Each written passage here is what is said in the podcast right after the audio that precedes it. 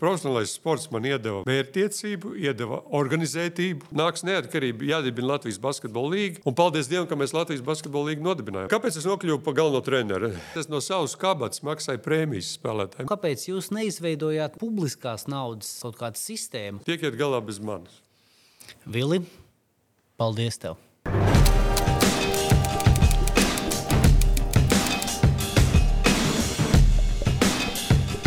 Godātie skatītāji, man ir prieks jau trešo reizi uzrunāt jūs um, mūsu VF Rīgas podkāstā.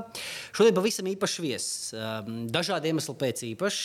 Pirmkārt, tāpēc, ka VF5, pēc tam īsts VF5. Uh, uh, Cilvēks, kurš savas profesionālā basketbolista karjeras laikā Vēfrīgas sastāvā principā ir pieredzējis visu no PSRS eh, otrās līgas, faktiski eh, pašas, pašas apakšas, līdz nu, tam līmenim, kurā Vēfiņš izsitās līdz 80. gadu vidum. Pēc tam bija otrais treneris, eh, galvenais treneris un kā nostāst, kā leģendas vēst, arī faktiski kā tāds nu, komandas menedžers. Dāmas un kungi, bijušais premjerministrs Vils Kristupāns. Sveiks, Vils! Sveiks! Cits starpā es ļoti atvainojos par savu cepuri. Es jau tev nedaudz attaisnoju. No. Tas nav kaut kāds īpašs stils, es vienkārši izlīju. Bet, nu, lai es nebūtu viens, es eh, cits starpā paņēmu līdzi uh, speciālu dāvanu priekš tevis. Uh, mums šogad jubilejas sezona, 65. plus krāsa, kontekstā lasot un sekojot līdz tavām politiskām simpātijām. Es teiktu, krāsa tev, kā sacīt, ļoti atbilstoši. Ceru, ka patiks, ceru, ka valkās. Lūdzu, vēl. Jā, sirsnīgs paldies! Noteikti, noteikti. Uz golfa turnīriem vilkšu. Cits starpā. Jā, paldies. Uh, nu, Sākot mūsu sarunu, sākšu ar tādu ļoti varbūt, vispārēju jautājumu, bet, nu, ja ne tas, ka es zinu tavu lielo saistību ar basketbolu, bet, ja pēc tam sekot līdzi, tad īsti jau tādas informācijas nav. Tu pēc profesionālās tās karjeras, pēc 90. vispār tā aktīvi seko līdzi basketbolam, vefiņam, nezinu, Eirolīgai, NBA. Nu, es kā sakoju, gan nu, Vēfiņam mazliet, Latvijas čempionātam gandrīz nemaz. NBA, jā, tā kā es esmu nodzīvojis 20 gadus pa ziemu Amerikā, kā saka, pa ziemas mēnešiem, tad nu, tu gribi, negribi jāsako NBA. Bet kāpēc uh, Latvijas līgai ne? Nu, man, nu, tā kā es vienmēr mēģinājis turēties pie līmeņa savā dzīvē. Un, uh, nu, jāatvainojas, bet tas nav tas līmenis, kuram es gribētu. Nu, vienkārši profesionāls sporta līmenis. Mēs esam maza, maza valstiņa ar tādu mazu. Nu, to jau rāda arī mūsu iespējas Eiropausos. Nu, kādas viņas ir, tādas viņas ir. Nav ne budžeti klubiem, ne. Nu, līdz ar to, ja nav budžeta, nav naudas, nav arī.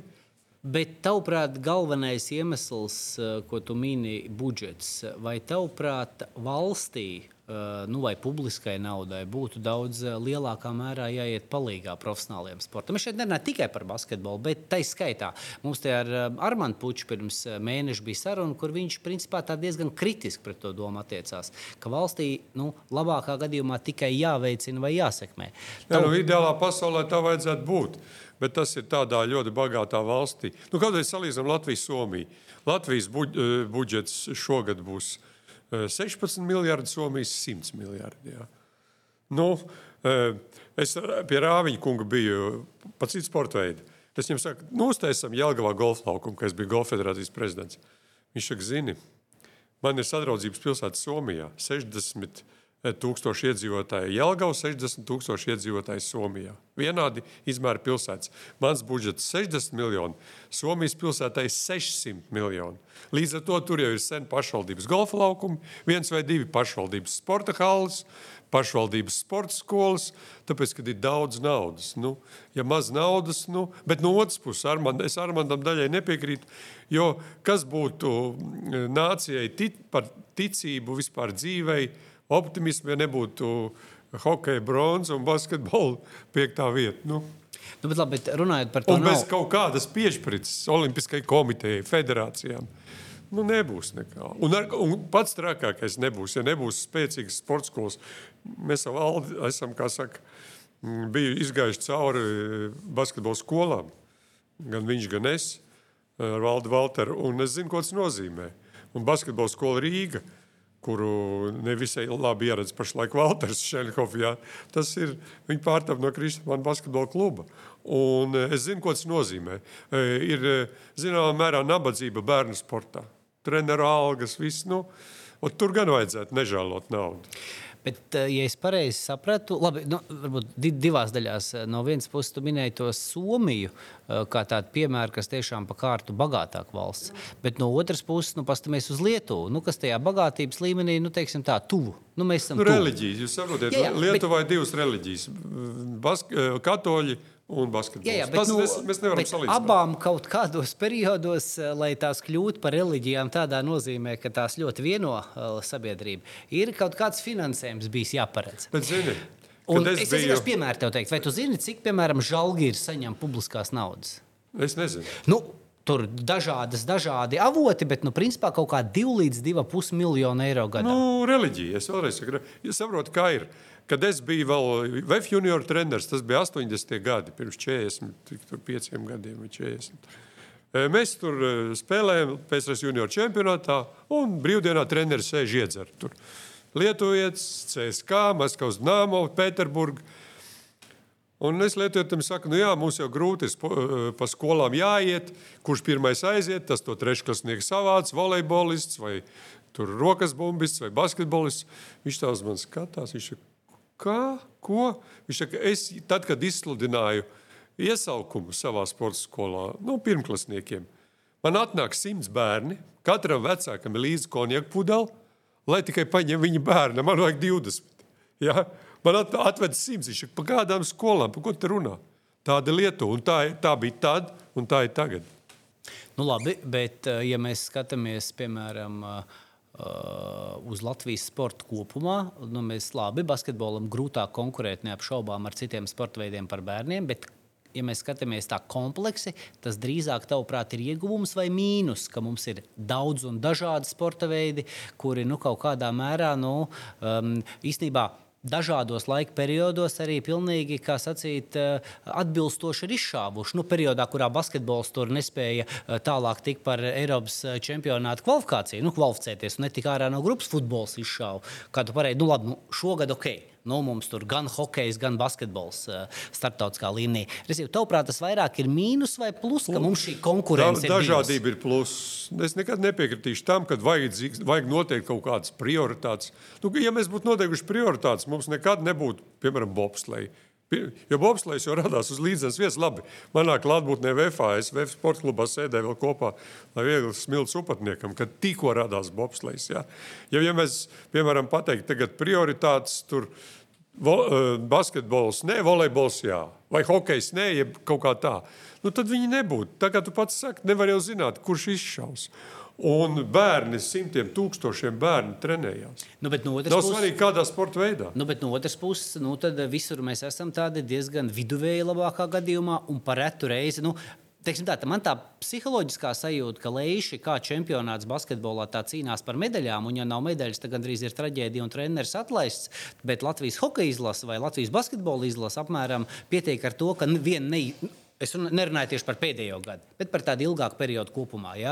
Priecājos par to, ka viena nav izkrituši no A grupas, un otra ir kvalificējušies Eiropas čempionāta fināla turnīram. Tās tomēr ir dažādas kategorijas, principā mūsu domāšanā. Nu, saproti, jāsaprot tā milzu atšķirība. Ja runā tikai par basketbolu, milzu atšķirība starp Lietuvu un Latviju. Lietuvieši, es uh, vakar paskatījos statistiku, Lietuvieši ir 2,8 miljoni, Latvieši ir bijuši vairāk par vienu miljonu. Jo eh, Krievija basketbolu praktiski Latvijā nespēlē. Praktiski, ar dažiem izņēmumiem. Līdz ar to uz vienu e, porziņu lietuviešiem ir trīs porziņi. Nu, nosacīti runājot, viens pret trīs atlases ziņā. Plus vēl lietuviešu nācija, viņiem ir kaut kas iekšā no tā giganta, no tā Kingkonga. Ja viņi tādi, tie, pasies, kaut vai tas pats slavenais diska metējs Alekna. Es viņu, es viņu spēlēju kopā golfu.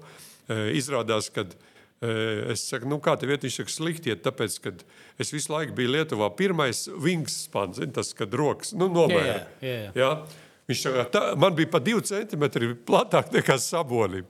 A, tagad viņš saka, Valančūlam ir pa divi centimetri vairāk nekā man. Šeit es esmu tikai otrais. Diska metējs, nu, leģenda. Divas, divas olimpiskās, trīs pasaules tur. Nu. Bet iedomājieties, kas par gigantu, ja? divi metri pāri un par roku izvērsums eh, platāks nekā saboni. Klausies, eh, pavisam nopietni. Tu um, būsi vēl premjerministrs? Tu gribētu būt vēl premjerministrs? Baidos, ka mans laiks beidzies. Nu, labi, no Nē, nu, teorētiski, ja, ja piedāvātu, protams, kurš atteiksies? Es gribēju teikt, kāda ir piedalīties. Simt, ja tu uz ielas apturēsi simt cilvēkus, teiks, tu negribi būt premjerministrs, 99 pateikt, gribētu. Nu, par šito es neesmu drošs, varbūt sirdī gribētu un tā, bet, nu labi, bet tad varbūt no otras puses, bet tā tava sajūta šobrīd, tā izskaitā pēdējā laikā arī skatoties, konkrēti pēdējās dienās skatoties, Uh, saistībā ar nu, tavas aktivitātes sociālos tīklos par to kontekstā ar to parakstu vākšanu, par saimnes atlaišanu. Tavs sajūta ir kāda, nu, jūs reāli uz to pretendējat? Parakstu savāks man nav šaubu. Cita lieta. Tu esi pārliecināts, ka parakstu savāks un saimnes atlaidīs? Es neesmu pārliecināts, vai atlaidīs. Ah, bet referendums būs. Referendums būs, par to es esmu pārliecināts. Un vai savāks to daudzumu cilvēku, kas vajadzīgs, lai referendums būtu noticis? Man bija pārtraukums gandrīz 20 gadi. Es skatos, es neesmu neatpalicis, ne švakāks, tieši otrādi. Es redzu daudzas lietas, ko tie jaunie neredz. Laikam tā ir, jo ir tāda pētījuma, ka, cil, ka cilvēks smadzenēs pēc 50 gadu vecuma sāk strādāt tie centri, kas iedarbina viņa pieredzi, zināšanas, visu to, to. Tā kā jaunajiem nemaz tas nav.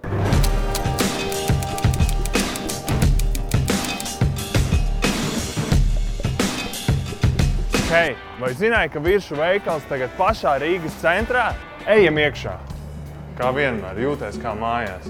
Kafija pati labākā virsmas. Kas dara, tas izdara. Virsmas vienmēr ļoti garšīgs ēdiens un vienmēr draudzīgi piedāvājumi visiem. Uzņemiet savu enerģijas lādiņu tepat virsmas, lai jums pietiek jaudas gan atpūtai, gan treniņiem. Par profesionālo sportu runājot, Ko tev pašam, tavuprāt, ir devis profesionālais sports? Tas, ka tu Viss. esi bijis profesionāls sports. Viss. Profesionālais sports man iedeva mm, mērķtiecību, iedeva organizētību. Es, piemēram, līdz šim brīdim esmu bijis nu, ļoti daudz kur, darījis ļoti daudz ko. Es nekad neesmu nekavējis. Es vienmēr esmu 10.00 vai 12.00. Un es brīnos par cilvēkiem, kas vienmēr kavē. Nu, ja tu, piemēram, basketbola komandā nokavē treniņu, tu saņem sankcijas. Vismaz, kad es biju treneris, visiem bija sankcijas. Tad, kad es trenēju Šnepu Helmani Galvanovski internātā vienu gadu, No rīta mums bija astoņos treniņš. Ziniet, kā puikam astoņi, septiņos piecelties no rīta. Ja jau vakarā bija treniņš, divreiz dienā bija. Un pa vidu skola. Man bija tāda kārtība, ka e, astoņos sākās treniņš, un visi tie, kas ieskrien astoņos nulle vienā un vēlāk, automātā zos gājienā apiet vienu apli ap sporta zāli. Bez teikšanas, ja garš. Bija tāds rituāls un viss. Un, un tas iemācīja nu, precizitāti, iemācīja ārprāt uh, uh, laika organizāciju, organizēt savu laiku. Un, protams, arī profesionāli tērēt savu laiku. Jo, lai tu kaut ko profesionālā sportā sasniegtu, tev ir ļoti mērķiecīgi jāanalizē un jāsaprot. Kāpēc tu mēģini šitā, kāpēc tu dari to, kāpēc tu fiziskajā dari to. Un tā ir analīze un, un izpildījums kopā. Un tas palīdz arī biznesā, politikā, visur. Bet priekš tevis, nu, ņemot vērā arī padomu laiks un to specifiku, um, nu, tas vefs un tas profesionālais sports vairāk bija nu, tā iekšēji tāda kaislība. Vai tomēr tāda nu, iespēja izsisties, iespēja izsisties? Status un nauda. Nu kā? nu, bet es jau tādā runājumā līdzībās, tu nebija no tiem, kurš, bija, kurš būtu piedzimis ar bumbu rokās. Nu, kā... Nē, nē, nē, es gadījumu pēc nokļuvu basketbolā. Es dzīvoju Ogrē, Vispirms jau ērgļos, kur vispār es pirmoreiz sporta zālē iegāju uh, 11 gadu vecumā. Jo tajā četrgadīgajā skoliņā sporta zāles nebija. Ērgļos es pat tūmā netiku basketbola bumbai. Ogrē nebija basketbola, kas tur dzīvoja. Puzāks atnāca daudz vēlāk. Treneris. Ogrē bija rokas bumba. Es trenējos rokas bumbā, futbolā, vieglatlētikā. Un tad bija tas slavenais gara auguma basketbola konkurss, un es ar 1,90 m tiku uzaicināts uz basketbola internātu 1970. gadā pie Angļu gimnāzijas, toreizējās tās vidusskolas. Tālvēlds Petersons, lai viņam viegli smilts un organizēja basketbola internātu. Mēs bijām pirmais iesaukums. Tā es nokļuvu basketbolā 16 gadu vecumā. Un, 8, un 19 gados es jau biju VF. Es jau gribēju teikt, un pēc četriem gadiem tu jau esi, pēc trim gadiem tu jau esi VF. Un tur arī viss sakrita. Jo, redz, es iestāju, biju skolnieks partijā, mēs diezgan labi nostartējām padomu PSRS. palikām ceturtie. Pēc skolnieks pateikts, es atbraucu, bija palikusi nedēļa līdz iestāju eksāmeniem. A, kur man stāties? Nu, es diezgan labi mācījos skolā. Nu, tā, 4, 5 man bija. Man nebija grūtības sevišķi ar visu to, ka daudz trenējāmies. Tēvs saka, ej uz celtniekiem. Celtniekos vienmēr vairāk maksā kā citur. Un es noliku iestāju eksāmenus eh, arhitektūras celtniecības fakultātē Rīgas Politiskā institūtā. Un mani uzreiz uzaicināja, lai vieglas smilts ezeram, ozaram, kur tikko, tikko aizgāja viņa saulē. Viņš bija treneris Rīgas Politiskā institūtā tajā laikā. Un um, arī nebija augstākā līgā, bija pirmā līgā Latvijas čempionātā Rīgas Politiskais institūts. Un faktiski tā kā es diezgan tāds jauns un, un enerģisks tur iekļuvu, tad pateicoties arī manai palīdzībai, mēs tajā pašā gadā, kad es biju pirmā kursā, iekļuvām Latvijas čempionāta augstākā līgā, Rīgas Politiskais institūts. Un Cēzars Ozers bija labi pazīstams ar Alvilu Gulbi, um, Ernesta Gulbi jau vecstāvu. Un acīm redzot, viņš viņam uzvanīja, teica, zini, ka man te viens tāds jauns ir censors, varbūt tu viņu var pārbaudīt. Jo Alvils tajā laikā ir VF Alvils bija. VF treneris, jā. Un man pazvanīja Alvils Gulbs, ka es biju pirmā kursā, un jau gāju uz beigām pirmais kurs. Man pilnīgi kājas notirpa, kad es dzirdēju viņa balsi. Viņš saka, no es tev gribētu uzaicināt uz VF. Es aizgāju uz VF uz treniņu. Viņš nostāda visus ierindā, saka, šis būs mūsu jaunais biedrs. Cieniet, un godājiet, nu, man būtu vaļā acis liels, nu, nu pirmkursnieks. Jā.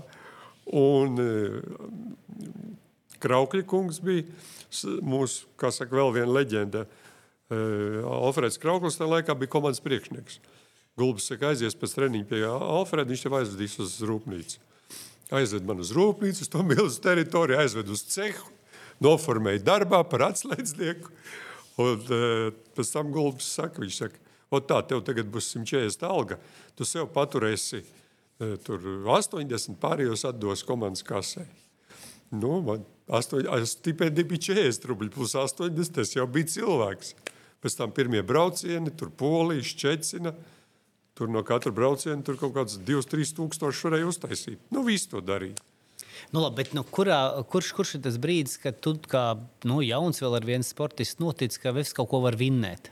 Tikai tad, tikai tad, kad parādījās Krauliņš, parādījās jau pēc manis Valters. Bet tas ir, ir pēc kādiem diviem gadiem, div, kā divi nu, gadi vēlāk. Faktiski es pie Alvila Gulbja nu, nodarbojos nepilnu sezonu, pat mazāk. Jo viņu atlaida un viņu vietā 74. gadā uzaicināja Armānu Krauliņu. Nu, un tad viss sagriezās ar kājām gaisā. Armāns bija ļoti, ļoti nežēlīgi stingrs. Un viņam bija cits skatījums uz disciplīnu, uz visu. Es atceros, pirmā treniņa nometā Liepājā. Pirmās trīs dienas notrenējāmies, ceturtā brīvā. Nu, tāds cikls, trīs dienas treniņš. Brīvdienā visi tie vecie puikas tur kaut kur aizbrauc pie ezera, ķer zivis, dzer. Nākošā dienā sākās treniņš, viņi nav. Nav viena diena, nav otra diena. Nu, viss beidzās to, ka puskomanda Kraulīņš izdzina visus tos vecos. Un tad sākās saka, augšu, atzimšana, atzimšana, kas nemaz nebija viegli. Pagāja divi, pus, trīs gadi, kamēr mēs tikām augstākā līgā. Saki, tu pats pirms mirkļa pieminēji valdi. Tavuprāt, bez valda Valtera nu, VF būtu kļuvis par to, kas kļuva 80. par tādu pišķiņu. Nebūtu. Bet, tom, nu, es gribēju teikt par tādu pišķiņu, bet tomēr leģendāru komandu. Ne, nebūtu, jo Walters bija. Nu, es, ir divi Walteri. Viens, kas ir dzīvē, Walters, un otrs, kas ir basketbolists Walters. Tie ir divi dažādi Walteri. Ja? Basketbolists Walters bija vienkārši ģeniāls. Vienkārši ģeniāls. Man bija tā laime un, un, un, un gods ar viņu nospēlēt kopā gandrīz septiņus gadus. Mēs, starp citu, arī Rīgas Politikas institūts vinnējām Latvijas čempionātu tajā gadā, kad viņš iestājās. Mēs bijām četri. Tad viņš, Andris Zvans, es un Juris Kalniņš. Mēs četri tādi tur pārbraucām pāri saka, visai Latvijai. Un, un viņš bija ģeniāls. Un līdz ar to žēl, ka viņš ne tajā laikā piedzima. Ja viņš būtu piedzimis tagad, viņš būtu NBA zvaigzne. Neapšaubām. Neapšaubām.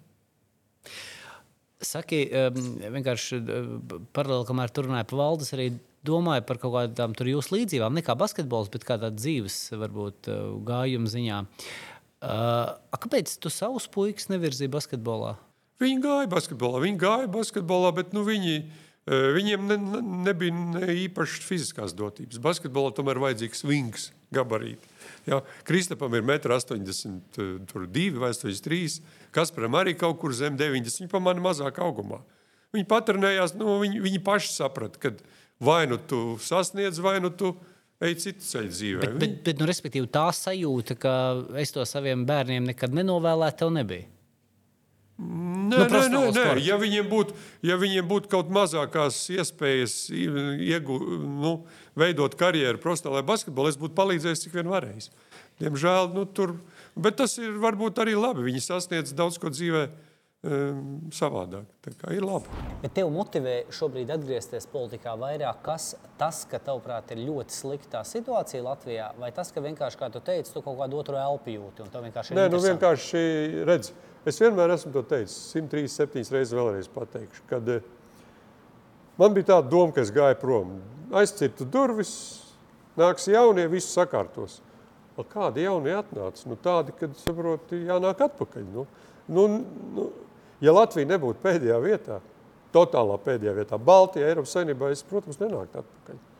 Es spēlētu golfu un smaidītu, bet, nu, Un ja, un ja tagad e, šie trīs gadi, kas vēl palikuši, e, būs tā kā ir, nu tad ir sveiki. Bet e, tavuprāt, iemesls tam ir kas, nu, ja mēs runājam par tādām sporta līdzībās, kaut kāds ļoti, netali, teiksim, tā, ļoti netalantīga paudze? Paudze, acīm redzot, ir varbūt caurmērā iemeslam kādam jābūt. Netalantīgāk, ne netalantīgāk kā Latvijā. Cita lieta, kāda ir tā politiķa paudze. Es pat varētu salīdzināt ar basketbolu ja basketbolā spēlē paši labākie, un tāpēc arī bija panākumi vai hokeja, tad mums šobrīd saimā spēlē tie, kas ir Latvijā tāda reģionālā līga, ceturtā laikam līga, kur spēlē, piemēram, Smiltenes komanda vai tur Dagdas vidusskola. Nu, vot, e, politikā reģionālās līgas līmenī viss notiek. Labi. Basketbolā spēlē labākajā, politikā spēlē. Labi, bet iemesls, kāpēc uz Latvijas politiku netiecas labākie? Nu, daudz iemeslu tam ir. Pirmkārt, tāpēc, ka viņi ir viņi re, reputācijas riski. Jo tu vari būt nu, simtgadīgs teiciens. Politikā ienāk ar uh, spīdošu nākotni un aiziet prom ar nekam nederīgu pagātni. Nu, klasika. Tu nekas nevar mainīt. Saki, tu, tu ieminējies par Kristopānu basketbolu skolu. Uh, es esmu daudz domājis par to, kāpēc mums Latvijā kaut kādas um, nu, organizācijas, kuras veidojās 90. gados, nu šeit vairāk gan ar basketbolu saistīti, tad izveidojās un faktiski visas pazuda. Vienalga, vai tie būtu broči, vai tas būtu bonus, vai tas būtu laimīgs. Ļoti vienkārši atbildēt. Tāpat tās arī basketbola skolas. Ļoti bet, vienkārši atbildēt. Nu, līdz galam. Nauda. Atbildi vienkārši. Ne, nu, labi, nu, bet, bet tā, tā arī ļoti viegli atbildi, tāpēc, ka es pats 16 gadus, 16 gadus velku, ja tā drīkst teikt, kopā ar nu, saviem nu, kolēģiem. Tu pats zini to atbildi. Jā, bet uh, vienlaikus 16 gadus mēs tomēr esam noturējuši. Brīži ir bijuši visādi. Arī ir sajūta, ka nav tas drīzāk, es teiktu, nu, mana sajūta tomēr ir tāds pašaizliedzības jautājums. Kāpēc 90. gados mēs to tik ātri, tik, tik viegli dibinājām un tik viegli pazaudējām? Man basketbola skola nepazuda. Mēs viņu nodibinājām pirms 25 gadiem. Tur sanāca tā, ka tīri personīgi e, Gunts Šenkovs nevarēja sadzīvot ar Zentu Valteri. Tur kašķis, tur bija viss kas, un vēl mani puikas bija, un tajā laikā Gunts man pierunāja, viņš saka, vai taisam savu. Es saku, nu taisam, man tajā laikā diezgan labi gāja. Un e, viss beidzās ar ko? 400 bērni. E, vecāki maksāja, piemēram, 8 lati, vairāk viņi nevarēja, jo parasti vistalantīgākajiem ir visnabadzīgākie vecāki lielākoties. A, tas bērns reāli izmaksāja kādi 50 lati mēnesī. Respektīvi, man bija kaut kur no malas jāsavāc kaut kādi daži desmit tūkstoši katru mēnesi, lai tā skola dzīvotu. Tā tas vilkās gadu, divus. Un tad, jau, un tad, kad es, piemēram, aizēju pie Atas Sausnīša, mana cīņa biedra, es saku, Ati, e, nu, manai basketbola skolai, viņš saka, kā? E, kāpēc man tev jādod naudu? Es saku, man jau nevajag, tiem bērniem vajag, tiem 400 bērniem. Un tad es vienā brīdī sapratu, ka man ir trīs bērni pašam jāiz, jāizskolo, jāizmāca, jāizaudzina. Es vēl nevaru 400 vēl svešus bērnus par savu naudu audzināt. Bet, paldies Dievam, mēs atradām risinājumu. Aizgājām tajā laikā uz Rīgas domu, un Rīgas doma pārņēma manu skolu un nosauca basketbola skolu Rīga. Tajā skolā ir izaudzis, piemēram, Čavars, olimpiskais čempions, veseli virkni izgājuši cauri tai skolai. Tā kā es esmu lepns un priecīgs, un līdz šai dienai viņi ir. Un, un, un, un tur varētu daudz par to runāt. Bet atbildi vienkārši - nauda. Tav, tavuprāt, Gunts Šenhovs ir nu, saka, lielisks basketbola jomas Viņš ir labs organizators. Ļoti labs. Nu, paņem kaut vai to fenomenālo gājienu ar to jaunatnes līgu, ko viņš uztaisīja. Nu, tāda otra fenomena nav nevienā sporta veidā. Nav vienkārši. Pa, lai viņš tev izstāsta, no, nointervē viņš šeit. Viņš izstāstīs, kā viņi radās. Tas vienkārši, es nezinu, cik valstis tur piedalās. Ārprātīgi daudz. Ja, nu, tas ir viņa roku darbs. Nu. Viņš ir ļoti labs organizators. Protams, ka e, man patīk, ka Valdis Valters, tas otrs Valdis Valters, kurš nav basketbolists, ja, kurš e, vienā brīdī viņu slavēja un jaunumu nosauca visiem zināmā vārdā. Otrā brīdī viņš jau kopā ar jaunumu tagad lamā Šenhofu. Nu, tāds ir Valdis Valters, ko tu padarīsi. Saki, tu pieminēji iepriekš, ka es domāju vēl par personām. Nu, tavā basketbola dzīvē Armāns Krauliņš, tavuprāt, liels treneris? Armānam Krauliņam bija plusi un mīnusi. Un, diemžēl eh, tie mīnusi bija tādi, kāpēc viņš pazaudēja darbu eh, VFā un kāpēc viņš nekad nav sasniedzis eh, kaut kādus ļoti fenomenālus sasniegumus ne ar vienu komandu. Viņš visur ir bijis, visur ir kaut kur skanējis, bet nekur nekādi panākumi nav bijuši. Tāpēc, kad Armāns Krauliņš pats nekad nebija spēlējis basketbolu. Nekad. Un tad es atceros, kad mēs jau iekļuvām augstākā līgā, kad mēs paši treniņu nometnēs sākām uz dēlīšu zīmēt kombinācijas, salasījāmies pa vakariem. Nu, tas nozīmē, ka agri vai vēl tas kuģītis nogrims, kas tā arī beidzās. Jā. Armāns Krauliņš e, e, to nu, to profesionālo, e, kas notika uz laukuma, nu, vienkārši nesaprata. Viņš bija tāds, nu, tāds līdzīgs kā Gomejs, starp citu. Valters nekad nebūtu kļuvis par Eiropas labāko spēlētāju pirmajā gadā, 81. gadā, ja viņam nebūtu bijis blakus Anatolijas Bliks. Mans, kas saka, pēc tam partners gan biznesā, gan arī kā treneri mēs ar viņu e, esam. Es pirmo reizi Anatoliju Bliku redzēju Melnbaltajā televizorā 1967. gadā, kad es skatījos Maskavas dīnāmo spēli CSK Ogrē pa televizoru. Ja. Nu, pēc tam es, es, es biju spēlētājs, viņš bija spēlētājs, es biju treneris, viņš bija treneris. Valters mums, starp citu, tā, nu, tā kā iepazīstināja. Valters teica, nu, tam ir iekšā. Un tā mēs iepazināmies, tā mums aizgāja. Vispirms mēs bijām basketbolā domu biedri, un pēc tam mēs arī biznesā bijām domu biedri. Jevgeņijs Kisels, tavuprāt, tavs vērtējums? Nu, es šodien, starp citu, Evgenija Kisela runāju pa telefonu pirms intervijas. Ļoti spēcīga persona, fenomenāla persona vienkārši. Fenomenāls cilvēks. Bet tam ne tikai basketbolā, bet arī tevis jau pieminētajā bobslēgā. Nu, faktiski, bet var tā teikt, ka viņš ir PSRS bobslēja vispār radītājs. Jā, protams, es atceros, kad es jau biju VF treneris, es pie viņa iegāju kabinetā kaut kādā jautājumā, nu, pa basketbolu. Un sākām, protams, par bobsleju. Viņš saka, tu zini, viņi tur Maskavā vēl nepaspēja tur kaut ko tur savā starpā sarunāt, ka es jau šeit zinu. Maskavas sporta komitejā. Ja? Viņš, respektīvi, nu, viņš bija vienkārši fenomenāls cilvēks. Ja? Saki, bet uh, tas 80. gadu, nu, tie, nu, tās 80. gadu beigas, uh, tu kļūsti arī par, uh, par galveno treneru. Nemaldos, 88. gads VFam. Pēdējā tas bija, nu, tas bija pīs pirms neatkarības.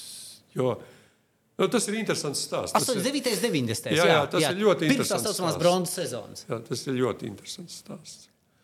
Pirmkārt, tāpēc, ka kopš À, es varu izstāstīt, es Jevgeņiem Kiselam pajautāju, es varu stāstīt to, ko tu man stāsti. Viņš saka, vari.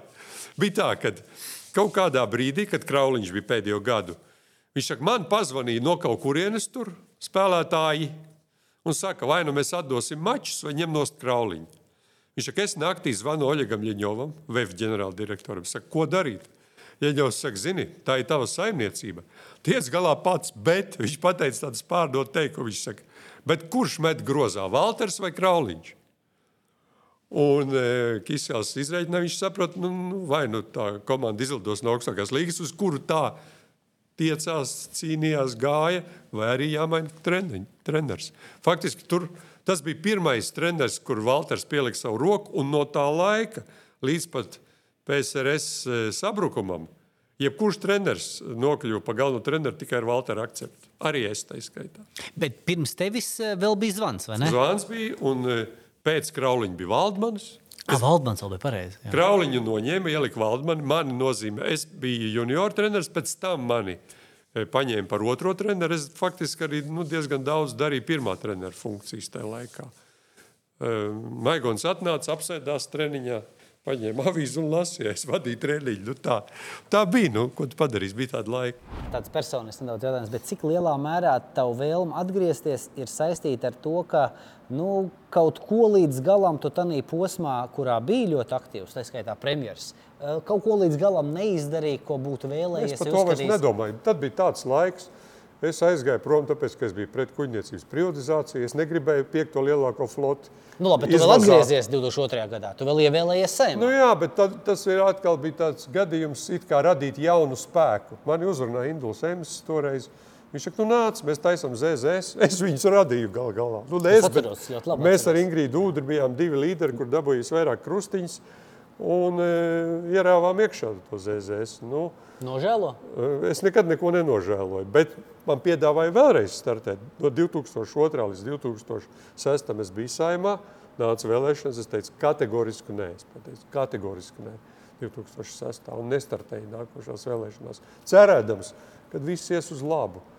Nu, negāja viss uz labu.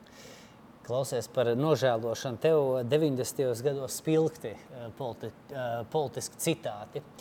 Es saprotu, tu neko nenožēlo, bet tu, Andris Čēlis, vēl ar vienu uzskati par, kā teica Ulbruks, Betmenu. Nē, nu, es varu izstāstīt to pastāstu. Man pazvanīja panorāma, toreiz jau viss bija kā pa telefonu, pat, pat mobiliem, nu pa mobilo varbūt. Un es biju ļoti nikns, jo kaut ko viņš atkal, nu, mums bija mūžīgais ar viņu politiskais karš. Nu, kā saka, nekā personīgi, politiskā cīņa. Un es biju šausmīgi dusmīgs par kaut ko tur pa dzelzceļu vai pa, pa ceļiem, kaut ko viņš tur naudu nedeva vai ko. Un es teicu, nu tad, lai tas, spā- kā saka, bārdēnēs Ulbroks Betmans jums palīdz, es jums palīdzēt nevaru. Bet interesantākais tas, kad man vakarā zvana draugs no Jaunielgavas. Viņš saka, paklausies, man tikko pazvanīja Jaunielgavas mērs, viņš man prasīja, kas ir Betmans. tas tajā stāstā viss interesantākais. Citādi, kā tev tagad ar Čēlu attiecības? Ļoti labs. Nu. Mēs bijām, tas, nu, tas tā kā boxā. Bokseri izkaujās, ja boxā ar zilām acīm. Pabeidz, eh, kas saka, cīņu, viens uzvar, viens zaudē, aiziet bārā, iedzer viski abi divi. Un pārunā, kāpēc tu man šito nu, labi, kreiso āķi? nu, tu zini, kā, es jau varu tomēr politikā. Nu, tik vienkārši politikā nav. Sportā tiešām. Un tas pat ir īstenībā tāds profesionāls pazīme, ja sportā tā ir. Nu, politikā gluži tā nav. Tur mēdz paiet kāda dekāde, lai tās attiecības normalizētu. Nu, katrā gadījumā viss laiks, viss atdziedē. Man nav nekad bijis nu, tāds kaut kāds personīgs. Vienkārši mums bija dažādi uzstādījumi. Nu, Tautas partija bija viena, Latvijas ceļiem bija citi. Es biju ļoti, es nekad neesmu piedalījies nekādās lielajās privatizācijās. Nekad. Un, nu, es biju tāds baltais zvirbulis, un es tur visiem maisījos pa kājām, it sevišķi kuģniecības jautājumā. Un tāpēc es labāk pateicu, es eju prom, izvazājiet to floti, kas arī veiksmīgi tika izdarīts. Piektā lielākā flota pasaulē, kura maksāja vienu miljardu. Tagad tāda neviens nezina, kur ir kuģniecība palikusi. Jā.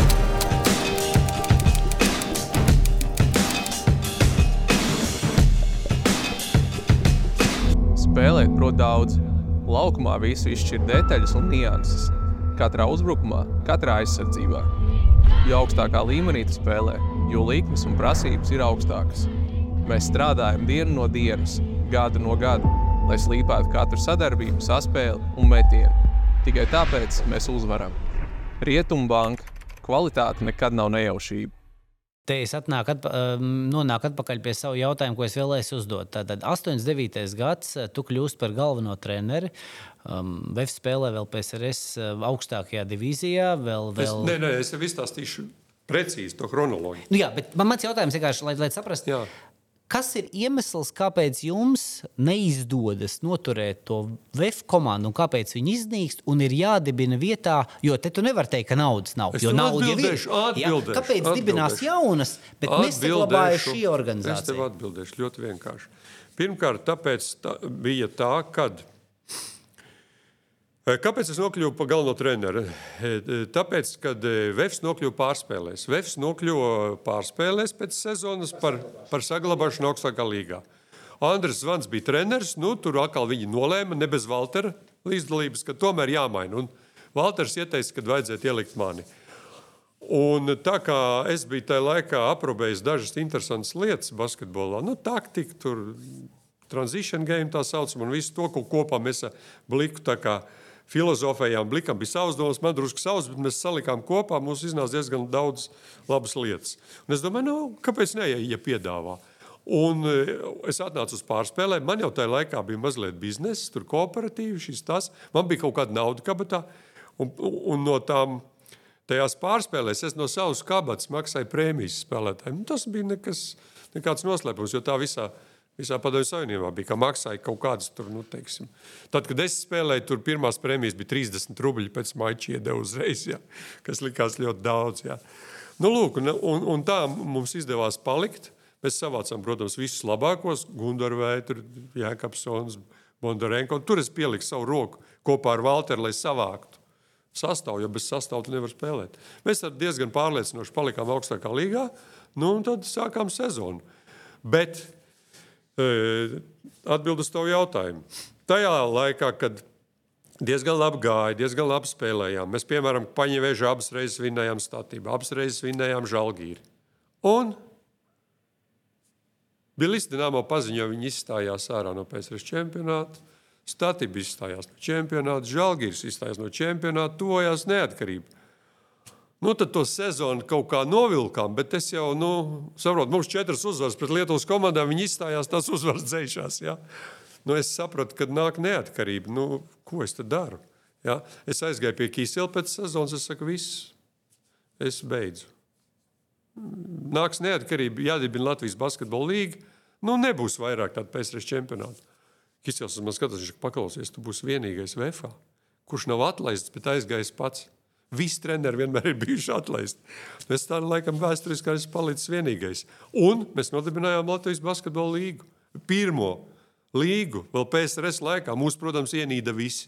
TTT, VFSK, mēs it kā viņus sagraušot, bet viņus jau sagrauja PSRS sabrukums, nevis mēs. Jā.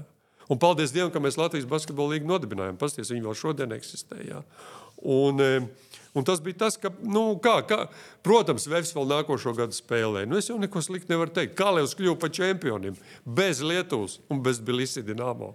Var jau teikt, ka tas ir sasniegums. Jā, tas ir sasniegums. Bet spēlēt uh, valsts čempionātā, kura pēc gada vairs nebūs, es to negribēju. Es pateicu, visas puikas, es eju uz biznesu.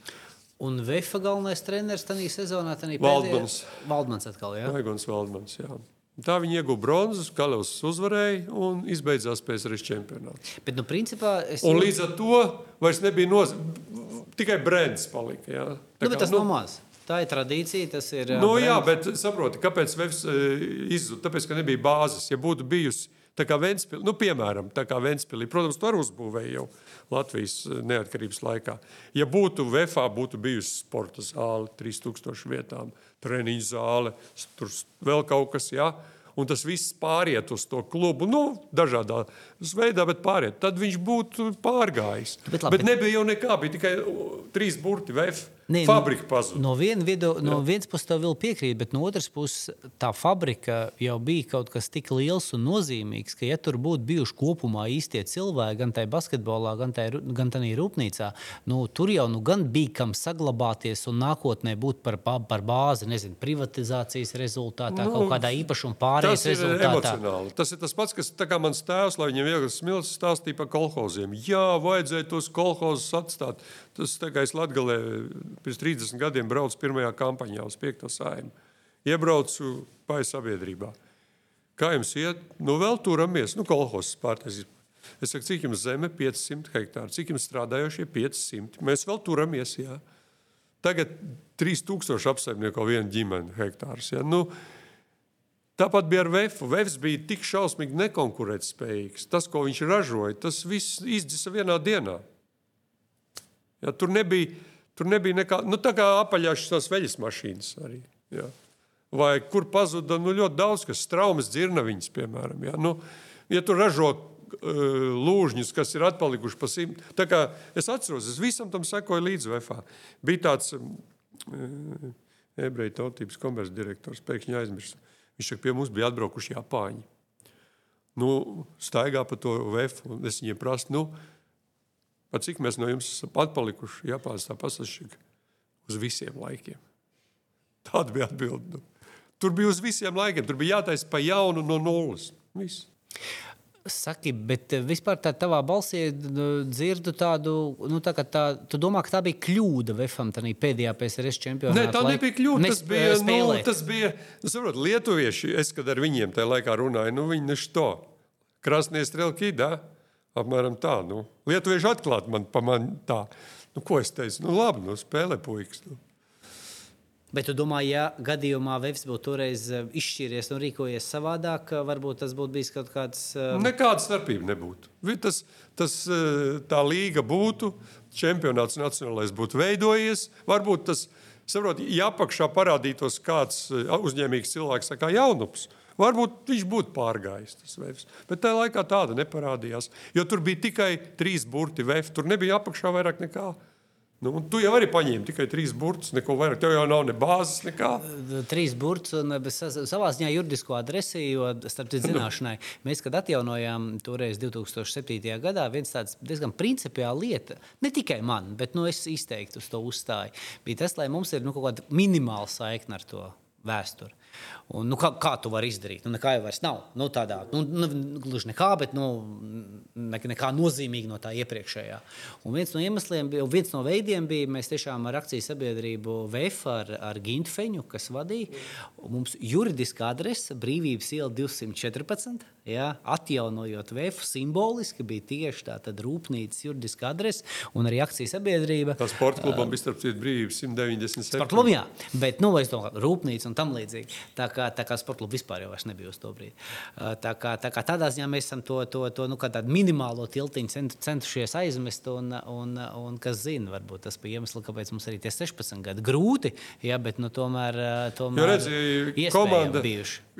Klubs, sporta klubs. Es atceros, es aizgāju uzreiz biznesā 90. kaut kur gados, 91. Nu, viss aizgāja, mēs nodibinājām to Interbaltiju vīnu tirzniecības firmu, kas vēl šodien eksistē. Un es izbraucu visu, visu Eiropu, pa tādiem vīna kalniem, vīna laukiem. Visu. Un es atceros, mēs iebraucām Holandē, tādā nelielā pilsētiņā, ienākām bārā un skatāmies, tas bārs viss vienos kausos, impeļos. Es sāku viņiem runāt. Viņš saka, jā, šis ir mūsu sporta kluba bārs, mums ir futbola komanda, mums ir basketbola komanda. Nelielā Holandas pilsētiņā. Mums ir rekurors stadions, mums ir rekurors sporta, nu, nams neliels tur sporta. Tā. Un, es, un, un tas man vēl lieku reizi apstiprināja, ka ja tā visa nav, tad nekādas tradīcijas tu nevari veidot. Un Ventspīlī ir, un tu viņiem domā, būs. Tu domā infrastruktūra tieši. Infrastruktūra, ja tev ir piederoša infrastruktūra klubam. Vienalga, vai viņš nu, labi. ir biedrība, vai viņš pieder vienam cilvēkam, vai viņš pieder pilsētai. Nu, labi, bet klau, ir jābūt. Bet nu, 90. gada sākumā, es atvainojos, Ventspīlī nav nekā izņemot dramatisku ekoloģisko situāciju. Jā. Ko es ar to gribu teikt?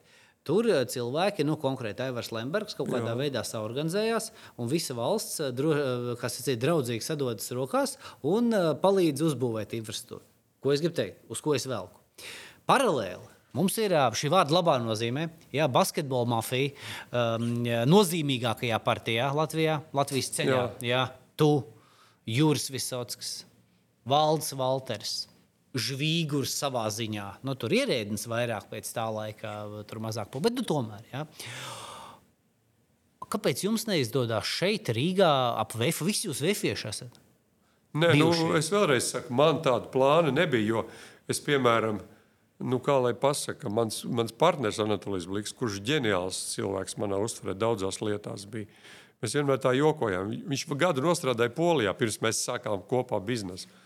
Un viņš, viņš man stāsta, zini, es Polijā pazinu vienu džeku. Viņam piederēja futbola klubs un basketbola klubs. Es saku, nu, kā? Visu pazaudēja, bankrotēja, tagad sēž cietumā. Šak, tur mēs nekad nelienam iekšā labi.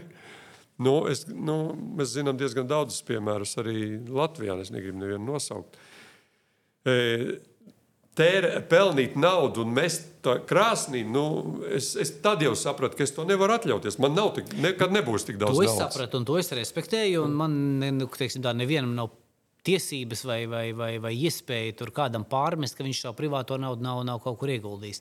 Es vairāk par to, kāpēc jūs neizveidojāt nu, savā ziņā tādas publiskās naudas uh, uh, potenciālu kaut kādu sistēmu, Zini, kas šo infrastruktūru veidot. Bet pilsētā, galvaspilsētā, kas ļautu iespējams mums uh, tur sapnim par žēlgīrim reālu, tur, tur uh, līdzvērtīgu alternatīvu rasties. Tāpēc, ka es nekad neesmu bijis Rīgas domē. Kaut kā tā sagadījās, ka es būdams piecās saimās, neesmu nekad ne startējis, ne bijis Rīgas. Ja es būtu bijis Rīgas domē, visticamāk, šeit jau būtu tā hale, ko tagad jūs būvējat, ja būvēsiet, un daudz kas būtu bijis. Jo tur bija cilvēki, kuri nu, nu, tālu ļoti no profesionālā. Labi, Juris Visockis, kam Nu, viņš jau mazu brīdiņu tikai Nē, nu, mazu Viņam savu jomā, viņš savu.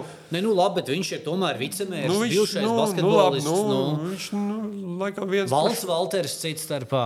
Es atvainojos, Helmuts Balders, eh, hokejists izcils pasaules līmeņa. Nu- Arī nu, nepalika tas posms, eh, pēdas, kad kaut kas būtu izveidots, bet drīzāk izdarīju. pārdots. Es, es gāju citu ceļu. Pirmkārt, mēs tātad ieviesām šos nodokļu atvieglojumus, kuru vairs nav. Ja? Nu, tas, ir, tas ļoti palīdzēja sportam. Ļoti palīdzēja. To, ka tos 10% no, no, no, saka, no nodokļu tu vari gan sportam novirzīties, samaksāt valstī. Mēs to izdarījām, un tas, tas manā uzturē. Un nodibinājām basketbolu līgu eh, kas arī bija nu, pietiekami daudz. Pēc tam, protams, es aizgāju no tā visa, jo, ja, piemēram, tā kā es skatījos, kad tu intervēji valdi, ka valdes saka, nu, Keikris mūs visus ap... Es, es, Keikris varēja Valteru paciest. Es viņu ilgāk par desmit minūtēm nepaciešu, pateikšu godīgi. Nu, nevar paciest viņu un visu. Nu, un, un tāpēc es tā domāju, labāk es dzīvošu kaut kur tālu no Valtera savā pasaulē, un es esmu tik apmierināts ar to visu. Tā kā tas arī zināms faktors. Jā. Bet, saki, Aivars Lembergs, tieši kā basketbola cilvēks, tavuprāt, eh, ar kādu zīmi?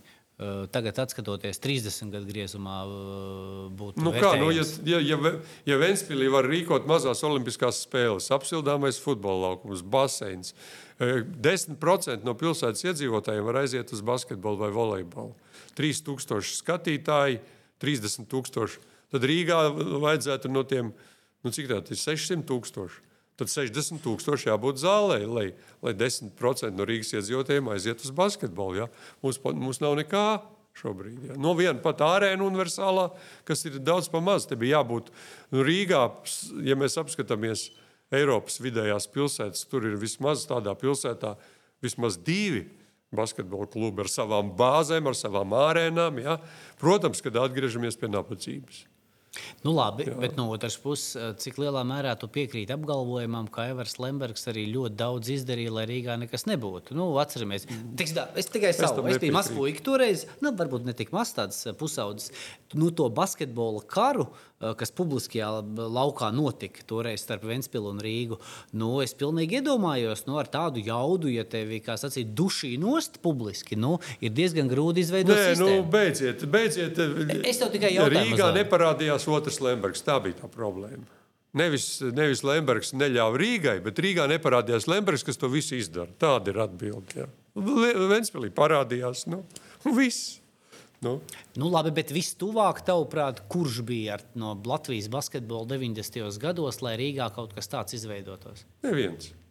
Nu, nebija. Nu, vienkārši mēs katrs aizgājām savu ceļu. Un, jūs saprotat, tev ir jātērē laiks, kas ir nauda un nauda, lai to visu radītu. Nevar būt tā. Es tagad uz kaut kādu publisko naudu to visu uztaisīšu, tagad tu to dari. Nu, es ar interesi sekoju un gaidu, cik ilgi tu to izturēsi. Jā. Tur saprot, tas nav tā, ka Protams, ja, es, teiksim, ja man būtu bijis mērķis kļūt par Rīgas mēru un ilgstoši tur, tad Rīgā sen jau viss būtu. Jo es sportam nekad neesmu. Kad pa- pajautā jebkuram, Fogelim, Tikmaram, visiem, kā bija, kad es biju premjerministrs, ja, un kad, kā bija, kad es pat biju satiksmes ministrs. Kā gāja sportam tad, kas ievies prēmijas? Tagad visi viņas tur puķi, visi viņas apsmēja. Mēs ieviesām prēmijas par, par sasniegumiem. Labi, var teikt, tas ir postpadomju, bet tas ir vairāk nekā nekas. Kas ir labāks, sports vai narkotikas un, un huligānu uz ielām? Latvija ir muļķu zeme. Nu, saprotiet, tie mūsu, it sevišķi politiskie līderi, eh, nu, visu laiku rada tādu iespēju. Ir tāda iespēja. Ja tu paskaties uz basketbola komandu, Latvija galīgi nav muļķa zeme. Ja tu paskaties uz hokeja komandu, Latvija nav muļķa zeme. Bet, ja tu paskaties uz tiem uh, gājieniem un lēmumiem uh, un rezultātiem, cipariem, tad uh, muļķi laikam ir pie varas. Bet toreiz, kad šos vārdus kā tādu metaforu minēji, tu vairāk domāji par ko? Par vēlētāju? Nē, es toreiz, toreiz nu, to, nu, tas bija vec, vecais stāsts, kad, kad mani apsūdzēja. Bija, bija tā saucamais korupcijas skandāls. Man apsūdzēja par to, ka Valters, kurš bija izpildu direktors basketbola līgā, nebija mani izrakstījis ārā no prezidentiem. Basketbola līgā, kuras savu naudu bija ielicis privāto. Ja? Ah, nu, jā, un deklarācijā nebija norādīts. Ne, nu, respektīvi, es biju uzņēmuma reģistram, taču nebija nekāda online, nekā, un uzņēmuma reģistrā es vēl skaitījos pēc 1. jūnija. Un uzreiz sacēlās brēkā ārprāts, ārprāts. Un tad es vienkārši aizcirtu durvis. Es teicu, ziniet, ja, ja tā ir korupcija, ka es basketbola līgas prezidents esmu savu naudu tur ielicis un formāli tur neesmu izreģistrēts, kaut es pusgadu neesmu bijis tur. Un tad tā ir muļķa zeme. Tavā nu, tieši profesionālā sportista karjerā, kurš tavuprāt ir nozīmīgākais cilvēks? Manā karjerā? Tavā. Manā karjerā es pats, manuprāt. Jo bez manas mērķtiecības un manas attieksmes pret visu nebūtu manas karjeras. Bet, protams, katrs ir kaut kādā veidā man palīdzējis. Valdmanis Maigons, es, no viņa, es pat esmu ar viņu treniņā spēlējis basketbolu. Es no viņa daudz ko mācījos. Armāns Krauliņš bija tas, kurš pacēla vefu. Bez Armāna Krauliņa mēs varbūt nebūtu tikuši augstākā līgā. Tāpat kā bez Valtera.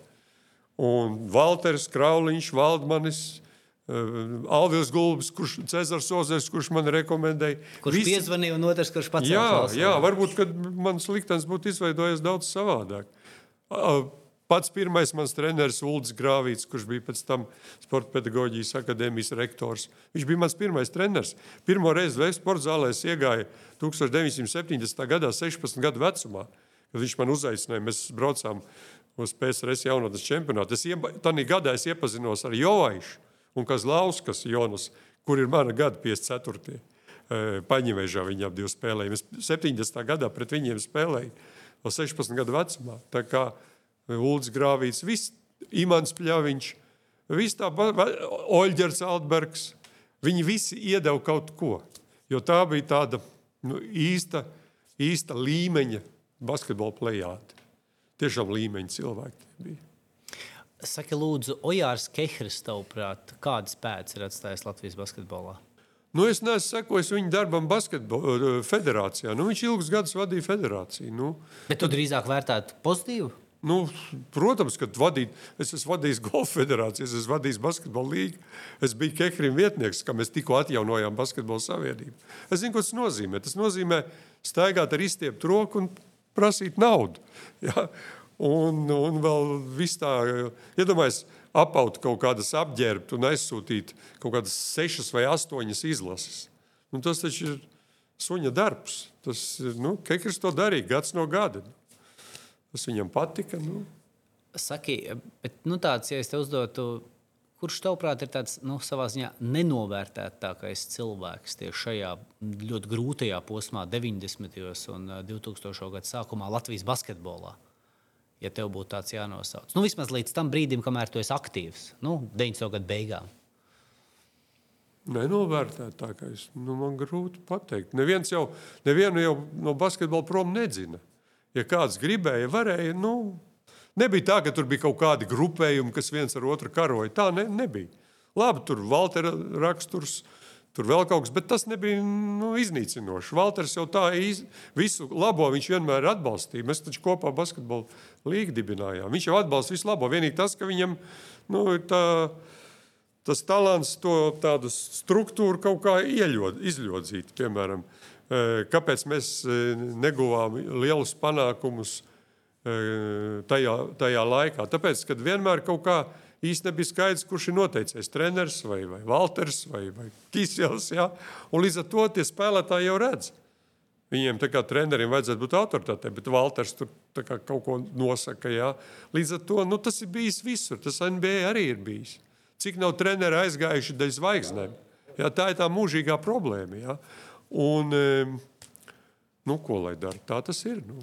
Saka, lūdzu, tu kā Latvijas patriots un kā, kā, kā, kā basketbola sporta cilvēks, tu nosodi uh, Miglnieka un Vētras soli 92. gadā? Es nenosodu, tāpēc, ka bija baigā neskaidrība. Latvijas komanda bija vāja. Lietuviešiem nebija problēma. Viņi savāca visus labākos. Olimpiāde, pasaules čempionāte, Eiropas čempionāte. Mēs pat finālos ne, nevarējām tikt bieži vien. Nu, labi, bet līdz 92. gadam jau tas vēl nav mērīts. Tas pēc tam notiek. Nu, kā līdz 90. 92. mums nebija īpaši nekā tāda ne infrastruktūra. Mums, mums jau tā visa basketbola saimniecība bija diezgan tāda nabadzīga kopumā. Izlase, visa tā federācija. Ja? Nu, nebija tā kā Lietuvā. Es atceros, man Lietuvā uzaicināja uz Lietuvas kaut kādu 50 gadu, man liekas, jubileju. Tur aizbraucu. Ah, nē, tas 80 gados. Es aizbraucu, es vienkārši mēms biju. Tur bija simti leģendu. Nevis viens, divi vai pieci simti, kuram nepieeja klāt, parunājies. Žēlgīris, statība, tur tas, tas čempionāts, tas čempionāts, tas. Ja, tur, nu, tā kā mums, mums, nu, mēs bijām daudz mazāki. Līdz ar to tas, tas tāds neskaidrības periods, nu labi, nebūtu viņi spēlējuši. Nu, ko, Ko viņi nodeva? Ko te īsti viņi nodeva? Ne, jautājums, jautājums, ja viņi būtu spēlējuši Latvijā, Latvijas nu, kas, nu, kas būtu mainījies? Nu, varbūt mēs būtu kvalificējušies. Nu, varbūt. Nu. Bet tas nav maz. Un tur tas celiņš varēja aiziet pavisam savādāk. Nu, nebija, nebija kas savā, savāds to visu kopā. Es jau pateicu, likiet man mierā. Basketbola līga nodibināja, iekļuvu politikā, man bija biznesa politika. Nu, likiet man mierā, man atbild bija. Tiekiet galā bez manis.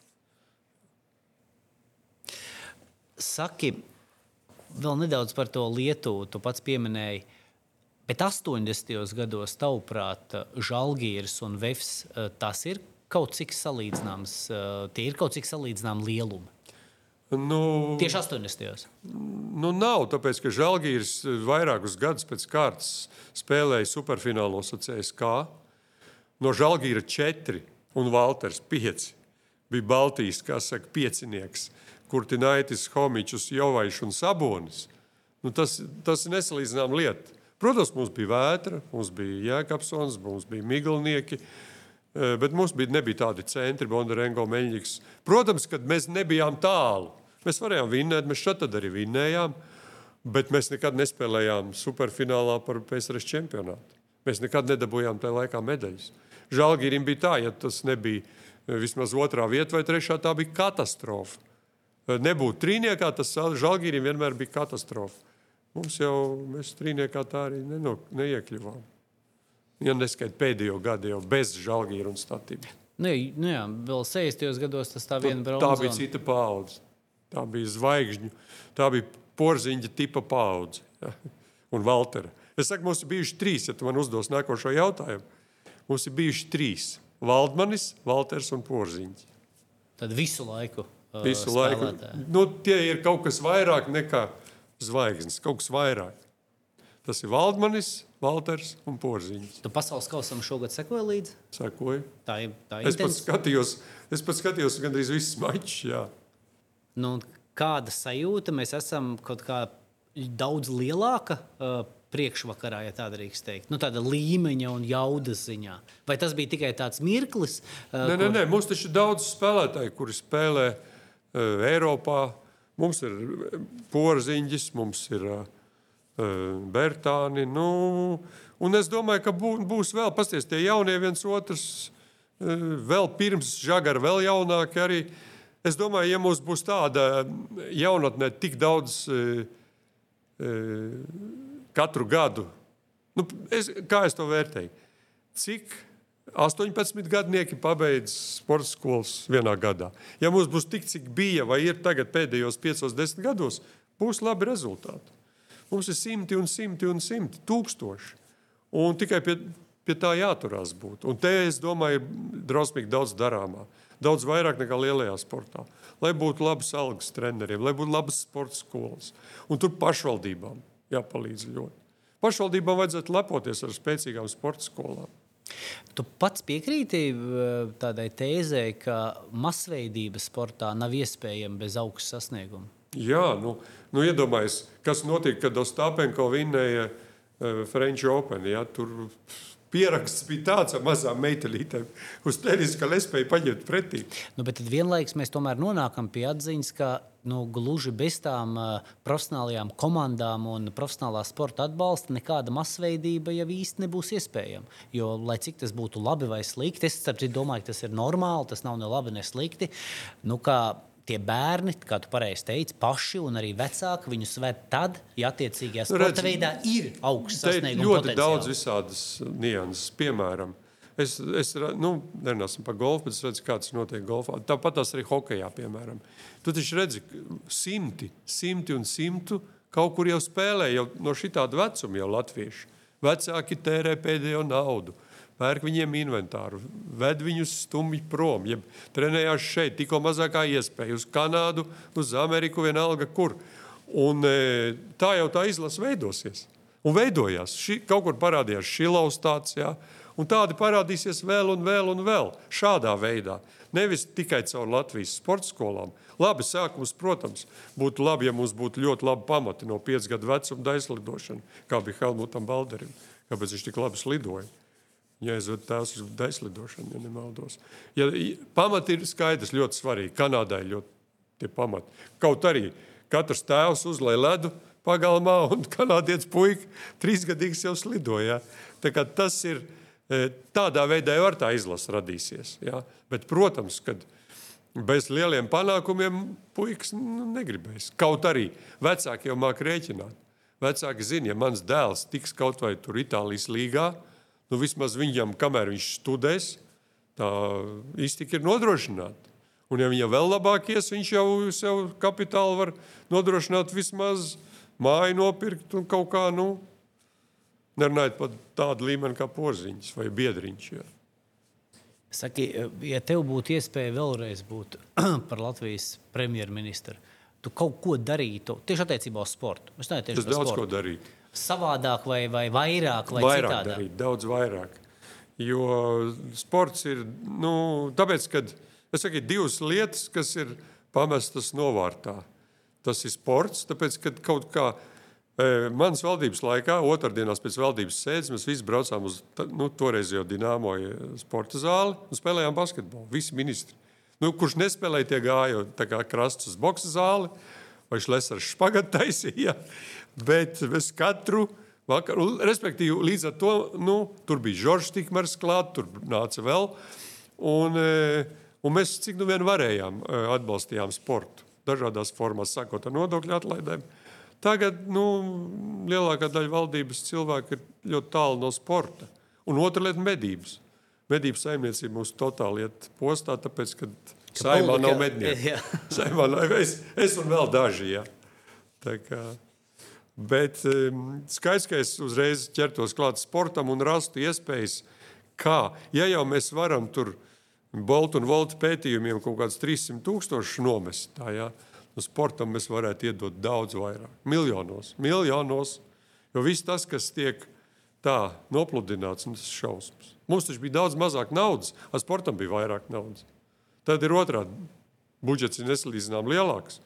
Sportam Katastrofāli trūks naudas. Katastrofāli. Un iemesls, tavuprāt, ir tas, ka cilvēki politikā nav no profesionālā sporta. Vienkārši nesaprot. Nesaprot, nesaprot. Tur vajag uzzīmēt to modeli un, un būt arī drosmei. Jo tur neviens pat nebūs pret. Un nav jau lielas tās summas. Nu, cik tur 30, 50, nu, kas ir 30 vai 50 miljoni? Ja es skatījos šodien, skatījos budžetu, tur tādus ciparus, tur piemēram dzelzceļam, tur infrastruktūra ir 19 miljoni. Tur, pasažieru parodē 19 miljoni, vēl tur, vēl tur 20 miljoni, tur 30, tur 50. Ja? Nu, kas ir 50 miljoni tagad? Tā 50 miljonu sportam tas būtu otrā elpa. Es par to esmu daudz domājis, un viens no tādiem, starp citu, aspektiem, kas man ir licies, tad, kad es redzu, cik Latvijā vispār um, pieaugušie, nerunājam par profesionālo sportu, bet cik Latvijā vispār pieaugušie nodarbojas ar sportu, nu, puslīdz regulāri. Nu, ar to mēs saprotam vairāk par pusstundu un vairāk nekā trīs reizes nedēļā, nu, kas ir vispār smieklīgs kaut kāds laiks. Tad uh, tur tie rādītāji mums ir 5%.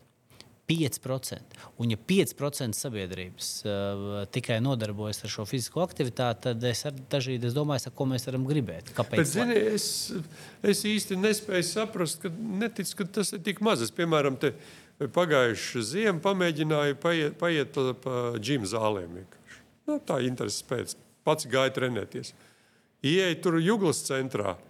Tur pārpildīts tā vislētākā. Tur ir nu, pa eiro vai pa cik tu vari. Tur, tur vienkārši, es nezinu, tur simtiem stāv rindā pie tiem trenižieriem. Ja? Aizgāju uz Alfa, uz, jā, uz, uz, uz Alfa.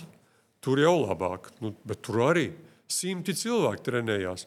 Es pat biju ļoti izbrīnīts, un tur tā cītīgi trenējās. Un, un meitenes, un zēni. Un, un, Un, tā kā nu ar bišķi... velospēdiem brauc. Jā. Nu, te man te bija jābeidina, jo tās taisnības par to statistiku tur es ilglaicīgi interesējies un skatījies. Tā statistika, diemžēl, nepielūdzama. Jo tai, nu, tu pareizi nosauc pāris lielās zāles taisnību. Ja? Tur koncentrējas tie sportot gribētāji. Bet, ja mēs tomēr uh, skatāmies uz Rīgā, uz 600 uh, tūkstošu pilsētu, tad, uh, tad, tad tie rādītāji tomēr ir mazi. Tur nu, būs vai nebūs vēlreiz premjeras. Nu, tur darāmā ļoti daudz. Sports zāles, redzi, jābūt jau arī loģiskam pamatojumam visam, ko tu dari. Un tas viens pamatojums ir tāds, ka Latvijā ir nepieciešams būvēt sporta zāles un ledus halas vieniem iemeslu dēļ, tāpēc ka mums ir e, pusgadu Gaišs paliek astoņos, un tumšs paliek piecos. Starp citu, un augsts. Līdz ar to tu vari tikai telpās Jā. trenēties. Un tas ir tik loģiski. Ir. Un tas ir jāsaprot. Ne jau vēl Skandināvijā tik daudz ledus halas. Kaut ko viņiem darīt. A, tur ir vēl polārais lokus, kur vispār ir tikai tumšs visu laiku pusgadu. Jā. Tā kā loģika to saka. Diemžēl loģika jau nestrādā. Ir kaut kāds klišejs. Sport, tā kā Armāns. Nu, viņš ir gudrs bez gala. Es ar viņu esmu golfu spēlējis ar pa 20 gadus. Bet, nu, klišejas. Renes sports, ot, tur neviens gandrīz nebrauc pasaulē. Nu, kāpēc? Ja mums ir, nu, lai brauc. Nu. Kāpēc? Ja tas tik dārgi nemaksā. Ja. Un viņiem jau ir sponsori tāpat. Un, un tas jau tā, tas sniega uh, piks efekts. Ja. Drusku tu iemetīsi sponsoru pie, vēl būs klāt, aizies viss. Ja. Bet vienkārši tā, nu, bet sporta zāles, sporta, sporta bāzes. Tas, tas nekad nebūs pa daudz. Nekad.